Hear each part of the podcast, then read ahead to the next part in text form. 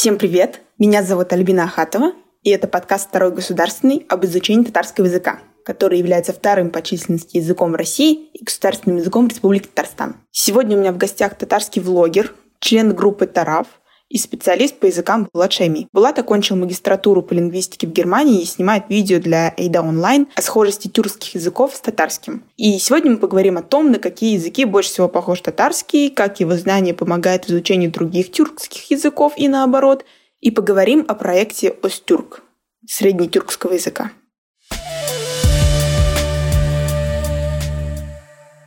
Какой тюркский язык похож на татарский лексикой, а какой грамматикой и логикой? И фонетикой еще. Да, фонетика, забыла. Я сейчас расскажу про кыпчакские языки, так как нам кыпчакские языки близки. Они делятся на три подгруппы, даже четыре. Северные кыпчакские языки, кумыкский, крымско-татарский язык. У меня есть опыт общения с носителями тюркских языков. Вот я видео снимаю для проекта и с носителями башкирского языка разговаривал, например, с башкирской девушкой. Башкирский – самый близкий к татарскому язык в плане грамматики и лексики. Поэтому давай так скажем. На первом месте с точки зрения грамматики и лексики стоит башкирский язык. Относительно фонетики башкирский отличается. У нас там есть регулярные звуковые сдвиги. Если не брать их в расчет, татарский и башкирский языки все время совпадают. Лексических различий у нас очень мало. На второе место по лексике я поставлю кумыкский и нагайский язык. Оба равны по схожести, как я думаю. На третьем месте, наверное, казахский, узбекский и киргизский языки. Я их тоже поставлю вместе, но иногда зависит от контекста. Иногда лучше понимается узбекский с лексической стороны. Недавно я снял видео с узбекской девушкой Маликой, и предложения полностью совпадали, то есть различий вообще нет в большинстве случаев. Казахском языке, например, все же много различий с лексической точки зрения, я бы сказал. С киргизами я общался пару раз, почему-то я редко общаюсь с ними. На четвертое место по лексике я поставлю крымско-татарский язык. Зависит от диалекта, конечно. Есть несколько диалектов крымо-татарского языка. В литературном крымско-татарском языке есть много турецких слов. Поэтому я его на четвертое место ставлю. По грамматике крымско-татарский язык будет на втором месте за башкирским языком. И кумыкский тоже. Казахский язык частично отличается по грамматике, но все равно поставлю их всех на второе место, крымско-татарский и кумыкский. Ну хотя ладно, поставим казахский на третье место. С точки зрения фонетики, сильно отличающиеся от татарского языка такие – башкирский, казахский, потому что у нас «ше», у них «се», а у башкиров вместо «се» – «хе». С этими отличиями они будут на втором месте, я так думаю. А на первом месте – кумыкский.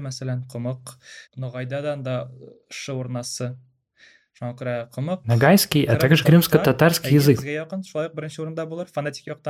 На втором у нас башкирский, казахский и, следовательно, узбекский тоже. На третьем месте – агузские языки.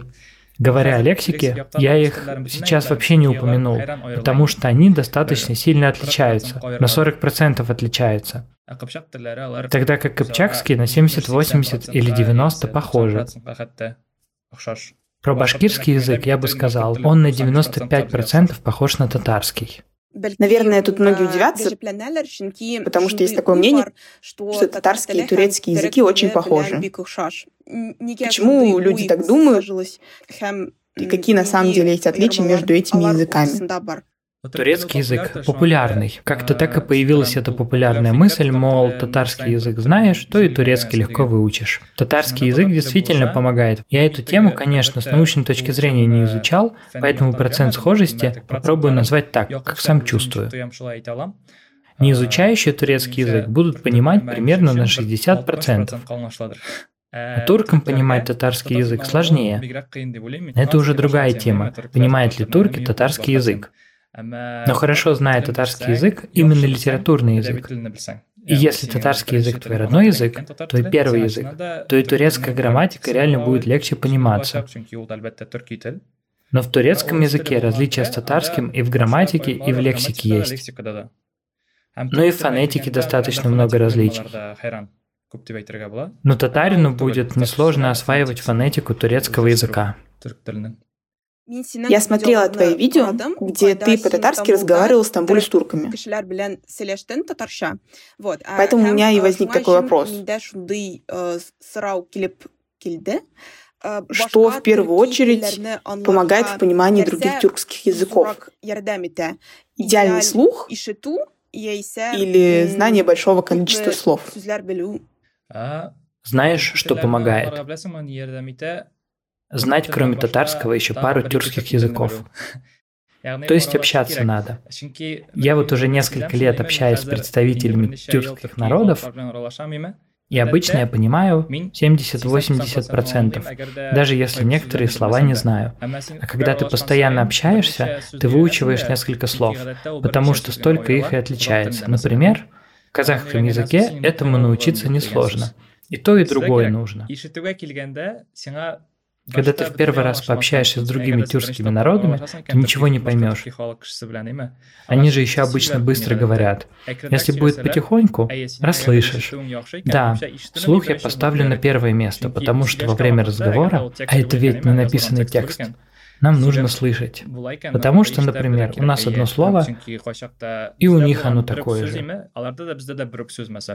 Они ему могут как-то по-другому сказать отчасти. И ты не поймешь, если твой слух не очень. Ну, а, ну, э, про мой слух можно сказать, что он плохой. А, вот ты музыкант, поэтому у тебя слух лучше, он тренированный. Тренированный. А я не музыкант, я даже не слушаю музыку. Поэтому слух — это мое слабое место. Когда я смотрела твои видео с турками, я вот совсем вообще ничего не поняла. Совсем. Ага. Ну, например, даже если возьмем мое последнее видео про узбекский язык, в татарском языке говорят, а у них... Ну тебе же понятно, если у нас... У них... Вот такие вещи приходят с практикой. Если разберешь один звук, и дальше будешь его понимать. Сначала тебе, возможно, совсем сложно будет. Будешь думать типа, что он сказал, как понимать. У нас так не говорят. Вот такие постоянные преобразования в тюркских языках есть. Например, там, где у нас «б», у кого-то «м», там, где у нас «ч», у казахов «ш». Зная такие закономерности, ты станешь намного больше понимать. Получается, что нужно жить или долго находиться в языковой среде, и тогда все станет понятно. Когда люди начали уезжать из России, я видела такие мемы, что татары, приехав в Турцию, Казахстан или Узбекистан, легче вливаются в тамошнюю звуковую среду, чем, скажем, русские, и чувствуют себя там как рыба в воде. Конечно, да. Многие сейчас переехали в Казахстан, в том числе татары. Им действительно легче найти общий язык. Потому что тюркские народы по менталитету схожи. И по языкам. С казахами особенно. Недавно к нам приезжали в гости казахи. Мы провели с ними две недели, и мы так и не перешли на другой язык. Они говорили на казахском, а я на татарском. А я ведь даже специально не изучал казахский. С практикой все приходит. Но мой татарский не настолько хорош, как твой. Поэтому мне сложнее понимать другие тюркские языки. Например, четыре года назад я ездила по работе в Ногайский район Дагестана. Ну, там как раз, собственно, живут нагайцы. И мы за эти три дня ходили на Сабантуй, посмотрели те места, где степь превратилась в пустыню. Со мной еще была журналистка из Пскова. Нагайцы с нами говорили по-русски, а между собой по-нагайски.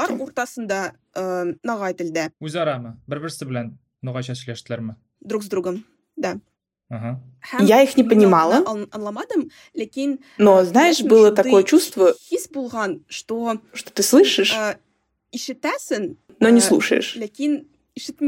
Да-да, на татарский похоже, а не понимаешь толком. Да-да. Наверное, если бы я тогда хорошо знала татарский язык, мне было бы легче их понимать. Я бы даже смогла с ними поговорить. Вот. Но так не случилось. Э, и было такое чувство, что ты слышишь, но не слушаешь. И когда ты пытаешься поговорить, твой рот открывается, но звука из него не появляется, и ты как будто не немой, но не мой, и что-то среднее между этим. Э, но вот ты спросила меня, что важнее, слух или знание слов? На самом деле, я думаю, что они действительно на первом месте оба стоят, потому что не зная слов, все равно ничего не поймешь. Но, когда ты очень хорошо знаешь татарскую лексику, много читаешь, ведь в наших повседневных словах есть и много литературных. Это помогает. Ведь эти слова в других тюркских языках могут быть разговорными. И тогда тебе будет еще легче, если ты знаешь разговорную и литературную татарскую речь. Так что да, лексика очень важна в татарском языке, а дальше и другие языки можно будет понимать.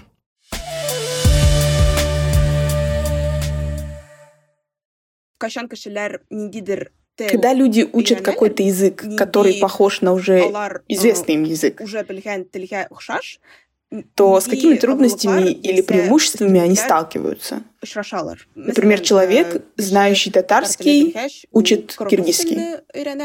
Относительно киргизского языка у нас преимущество фонетики. В этой области наши языки похожи. Нет перестановок с ш, с. Например, голова так и будет баш, а не как в казахском.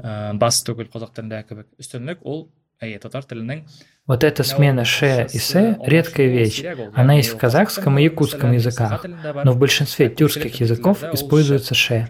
Поэтому преимущество знания татарского языка – фонетики. С большинством кыпчакских языков он схож в этом плане. В разговорной речи мы тоже хорошо друг друга понимаем, но когда дело доходит до письменного текста, оказывается, что наши написания, алфавиты, азбука очень сильно отличаются. Я назвал бы минусом, потому что если, например, казах будет читать татарский текст, он его не поймет полностью, а если услышит, то поймет намного больше. Я про такое знаю, мне люди пишут в комментарии, что, мол, говорите так, а пишите так. Были такие случаи. Например, у крымско-татарского языка кириллица вообще ужас. Там ставятся твердые и мягкие знаки. Пишется, они пишут «о» и ставят мягкий знак. У нас в татарском языке тоже много таких моментов. Например, слово «часы» пишется Много кто об этом говорит. Я тоже скажу в качестве примера. Почему оно пишется так? Потому что, чтобы читалось как пишется «а», «т» пишется с мягким знаком, чтобы показать мягкость слога. Говорят, у нас получается странное написание –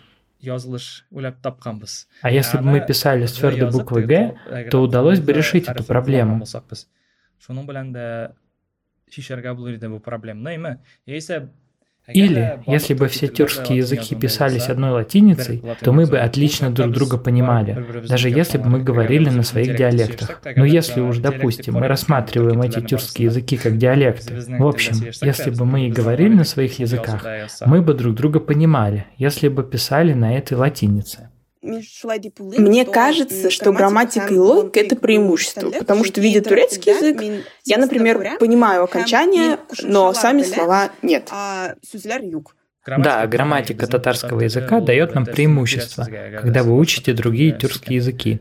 Со стороны грамматики всегда есть преимущество. Между капчакскими и агузскими языками есть намного больше отличий в лексике, ведь агузские языки, а это азербайджанский, турецкий, туркменский, будут нам посложнее, но относительно фонетики и грамматики всегда есть преимущество. Есть ли какие-то кардинальные отличия у татарского языка? Ведь этот язык развивался внутри России, в отличие даже от тех стран, которые входили раньше в состав СССР. Но даже так Татарстан все равно был в составе РСФСР, а не Республика Союза. Поэтому, например, здесь могло иметь место повышенное влияние русского языка. Как в татарском языке много заимствований из русского, так и в русском много слов тюркского происхождения, в том числе татарского. Может быть даже в равных количествах и в татарском, и в русском. Но в каждом тюркском языке есть в каком-то количестве русские заимствования. Не сказал бы, что у нас их намного больше. У нас у всех, у тюркских государств, которые раньше входили в СССР, это есть. Я имею в виду не государств, а тюркских народов. То есть, я бы не сказал, что в татарском в особенности много русских заимствований. В татарском языке по-прежнему используются арабские, персидские заимствования. Но новые термины появляются, конечно, входят в язык из русского почему-то. Хотя они попадают в русский из английского.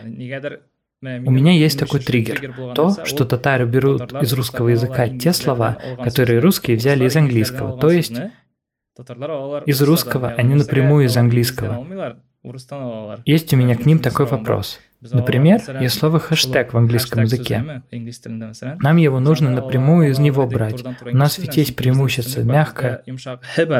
И а у русских такого нет. У них есть х и э. Они говорят хэштег. И татары берут хэштег вместо того, чтобы брать хэштег А как быть со словом «юзать»? В татарском языке оно не нужно, ведь у нас есть свое. Ну так, ну, так и в русском языке оно не нужно, там ведь есть слово «использовать». Именно. Я не знаю, зачем русские не говорят его. Ну, вот а если я хочу именно «юзать» сказать? Тогда надо говорить. Use it. Или, например, я пользуюсь словом Google it to деген Google аласың, мен Google it to деп айтамын. Ты сказал, что в татарском языке есть заимствования из арабских и персидских слов. А поймут ли татары и другие представители тюркских народов таджиков? Нет, даже узбекам сложно понимать таджикский, несмотря на то, что они соседи, и в узбекском есть заимствование из таджикского. По сравнению с нами, в узбекском языке много заимствований из персидских слов, но даже им тяжело. А нам так вообще ничего не понятно будет, потому что таджикский язык входит в группу иранских языков. Это не тюркский язык, поэтому мы его не понимаем. Какие-то отдельные слова можем понять, но в беглой разговорной речи нет. А арабский язык поймем? Да, отдельные слова понимаем. Например, у нас звучит и много таких слов у нас, что мы думаем, что оно тюркское, а это арабское. Вот, например, я правда не знаю, так ли это. Кто-то писал в комментарии, что наше слово «вкус» — «вкусный». Оно из арабского взято. И обозначает блюдо, кушание. И таких случаев много. Бытовые разговорные слова, постоянно используемые, могут быть из арабского языка. Слово «стекло» из персидского. Джин и Девы пришли в татарскую мифологию из персидской и арабской мифологии, соответственно, но не сохранили свои названия из этих языков. Да, джин — это арабское слово, оно сохранилось.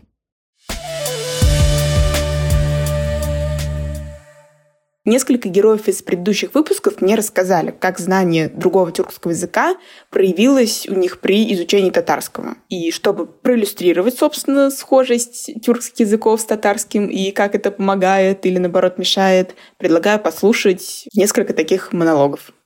Вот уже несколько лет мы ездим в отпуск в Турцию. Это звуковой терапевт и музыкант Зиляфа рассказывает про турецкий язык. Как я начала там говорить по-турецки, он ведь на татарский похож. Если бы я не знала татарский, я бы ни за что не освоила турецкий. Конечно, я очень хорошо турецкий и не знаю. Это и так хорошо знаю. Еще я вот так выучила несколько предложений. Потом начала сама ходить на базар, в кафе. Если бы я не знала татарский, мне было бы сложно в Турции. А зная татарский, мы с мужем делаем всякие параллели. У нас, у них так, «д» превращается в «т». Вот так будет, вот так получится. Ну, все понятно. У них, у нас вот так вот. Они ведь видят, что издалека, ябанджа говорят, спрашивают, откуда. Говорю из Татарстана, мы татары. Не помню, как они говорят, как-то очень забавно. Ну ладно. В общем, они говорят, вы ведь наши родственники, и сразу же скидки делают, подарки, чаем паят. Ведь они очень открытый народ. Но язык знать правильно, потому что ябанджей часто обсчитывают – так что нас не обманывают, мы такое видели. Рядом с нами Ябанджей обсчитали, а нас нет, потому что мы турецкий знаем. Скажем так, какие-то слова я вот только придя в Умарту и начав изучать татарский язык. Это учащийся курсов Умарта Фарух Абдулин рассказывает про узбекский язык. Я понял, что вот все, что вот эти вот наслоения э, языковые узбекского языка, оказывается, сидят где-то глубоко в голове. То есть я даже не знал, что я знаю. Начали всплывать какие-то элементы турецкого языка, потому что я очень долго работал с турками в Ташкенте, в турецкой фирме, но не, не мы научились турецкому, а турки научились русскому языку. Какие-то вот эти вот отложения начали всплывать при изучении татарского, но они как помогают, так и мешают. Возьмем, к примеру, глаголы. В татарском языке окончание глагола в неопределенной форме это либо у, либо у. В узбекском это мог. Для меня вот эта путаница была. Потом вот это вот «д» в татарском языке, как ты помнишь, это прошедшее время. В узбекском там немножко по-другому, там хитрее. Булды это было, а булады будет. У меня получается какой-то суржик в голове сейчас из татарских, узбекских, русских, какие-то отдельные турецкие слова, и вот этот вот суржик не знаю, уместно ли вообще на нем разговаривать с татарами. Знание одного тюркского языка – это ключ к входу в тюркский мир. Зная хорошо, например, тот же татарский или зная хорошо узбекский, тебе будет легче общаться. То есть, зная, например, узбекский, если бы я знал бы хорошо узбекский, мне бы легко было бы общаться с татарами. Помимо татарского у нас были еще обязательно уроки башкирского. Это Рузанна и Данис из Башкортостана рассказывают про башкирский язык. И благодаря тому, что я слышала язык в семье, мне было легче на уроках башкирского тогда. Сейчас мне легче воспринимать башкирскую речь, зная татарский язык, потому что звучание очень похоже. Например, недавно я нашла очень интересное видео по изготовлению курая. Оно было полностью на башкирском языке, и я думаю, что я его полностью поняла. Потому что звучание татарских и башкирских слов, оно очень похоже. Иногда, выполняя на Анатоле, я записываю слова в башкирском написании. Оно там выделяется красным цветом, и я потом исправляю. В целом, знание татарского и башкирского языка взаимодополняют друг друга в моем случае, потому что где-то мне легче со знанием башкирского, где-то мне легче со знанием татарского. Но я не могу сказать, что я знаю башкирский, я могу на нем читать, могу его понимать, но говорить мне привычно на татарском языке. С башкирскими звуками мне сложно, потому что мы в школе его и изучали так себе. У меня есть общее понимание, как строится башкирский язык, башкирское произношение, но я на нем не говорю вообще. Касательно татарского и башкирского, башкирский мне давался легче, и у меня по башкирскому, конечно, знания лучше и оценки лучше. Я думаю, это еще связано с тем, что башкирский, в отличие от татарского, легче грамматически, потому что у него вся грамматика очень стройная. К примеру, там есть буквы К и Г твердые, и для меня а, вот в татарском это ну, создает вообще сложности. Это очень сильно путает, к примеру, и, естественно, давался сложнее еще то, что он там много касательно вот э, звуков таких, это вот если брать сами языки.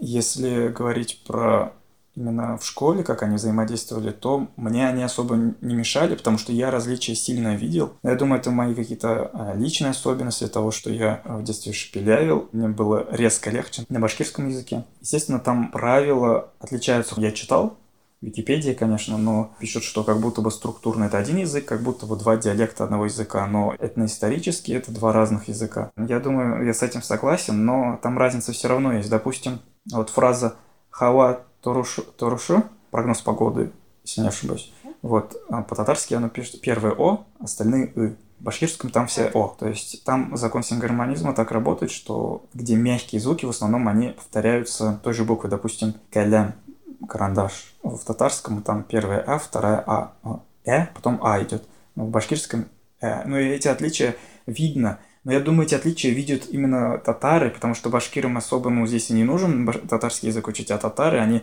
живут в такой трилингвальной среде, что с людьми они взаимодействуют на русском, с родственниками, э, допустим, на татарском, а учатся вот какие-то предметы, допустим, на башкирском. Естественно, ты эту разницу сильно видишь.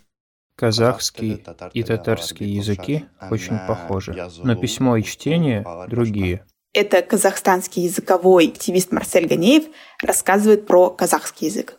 В казахском алфавите есть 42 буквы, а в татарском алфавите особо много специальных букв нет. Тогда как в казахском есть две буквы «к».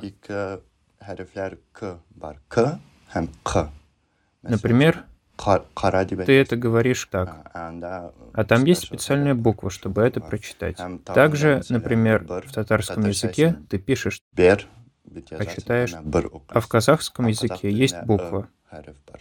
Для изучения татарского языка казахский очень помогает, потому что я беру из казахского языка слова и как бы делаю их татарскими. Татарский язык — это мягкий язык. Если ты берешь слово из казахского языка, ты его делаешь мягче, и получается татарское слово. Например, это в татарском языке. Однако есть и ложные партнеры. Например, в казахском языке означает а в татарском языке это означает для тебя есть задание, например. Такие ошибки, конечно, делаю. Также в казахском языке надо так. Когда говорю, я смотрю на эти ошибки. Мне он нравится, мой татарский язык. То, как я говорю по-татарски, потому что я точно не говорю, как выросший в Татарстане татарин. Мой татарский язык, он другой. Возможно, есть казахский акцент. Я думаю, что мой акцент уж точно не русский. И я еще не знаю, что сделать с этими ошибками в произношении. Например, что я еще неправильно произношу. Вот это так говорю. А по-татарски правильно так.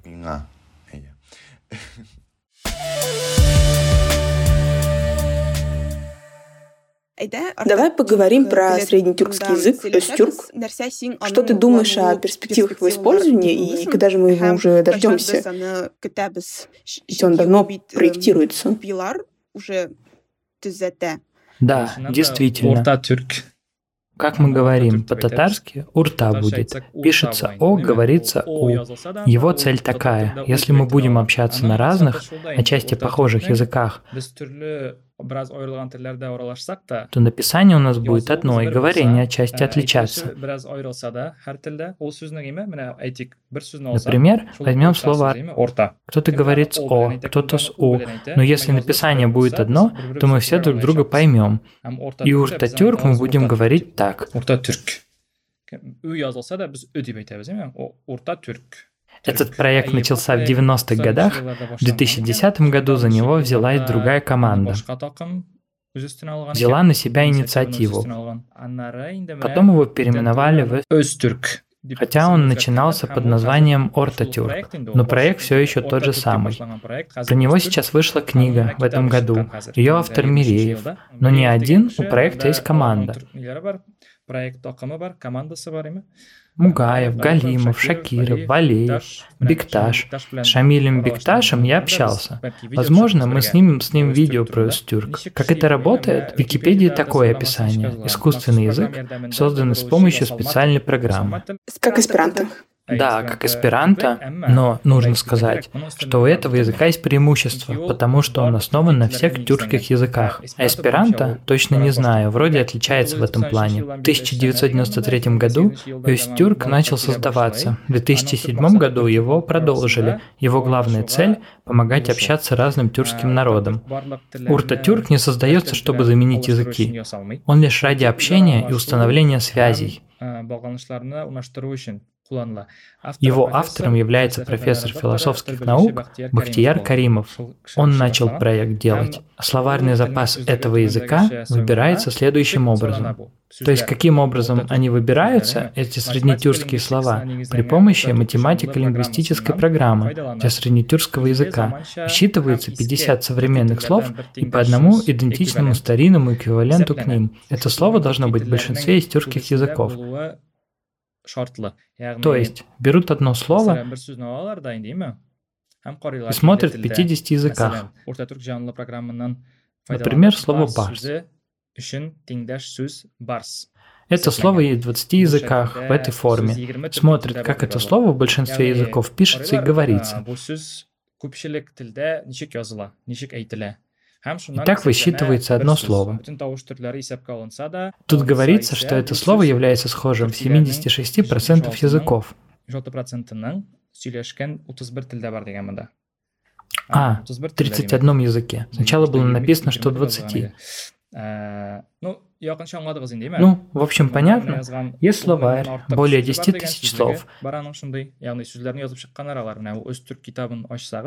бәлки қазір көбірек тұрды енді он мың ғана түгілдір хамда қараймын в книге расписаны правила синтаксиса, морфология, фонетика. Морфология, фонетика барысында жазылған, аңлауымша. Кітабын ашып қарасаңыз. Если откроете книгу, то тут все есть.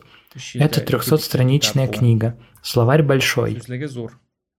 Я почитал частично. Как по мне, похоже на крымско-татарский. Мен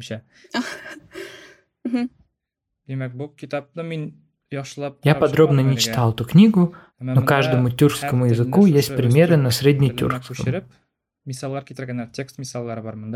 Вот есть пример с одним предложением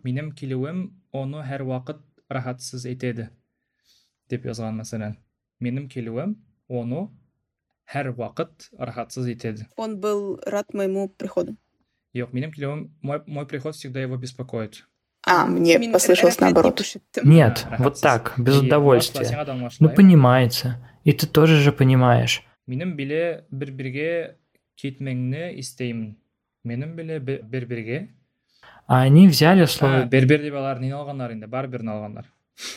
Значение парикмахер.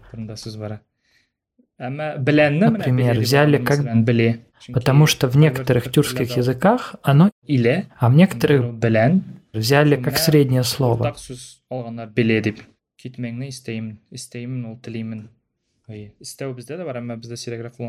Как я уже сказал, на крымско-татарский язык похоже. Хочется сказать, тут про него и вредит написал кто-то.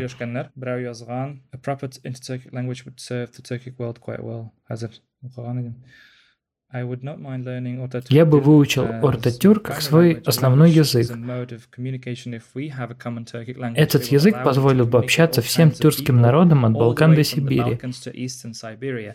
Я соглашусь с этим человеком, что вот действительно можно было бы понимать народы, начиная от Балкан до Восточной Сибири. Большую часть Евразии. Имеется То есть и якутский язык, и хакасский. Понимать язык саха сложно. Это интересный вопрос. Как им подойдет ортотюрк? Однако тут должна быть критика. Я сам хорошенько не изучал проект Остюрка.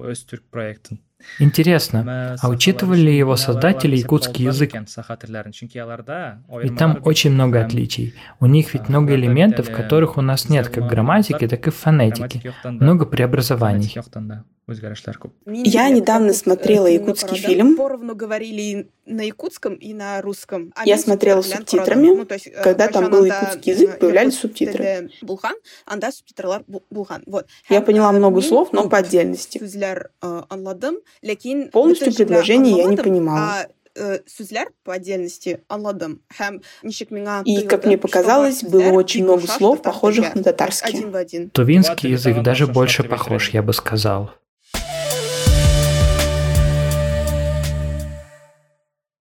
Хочу спросить про твои видео для YouTube и ТикТока. У тебя там есть серия видео под названием «Встречи тюркских языков».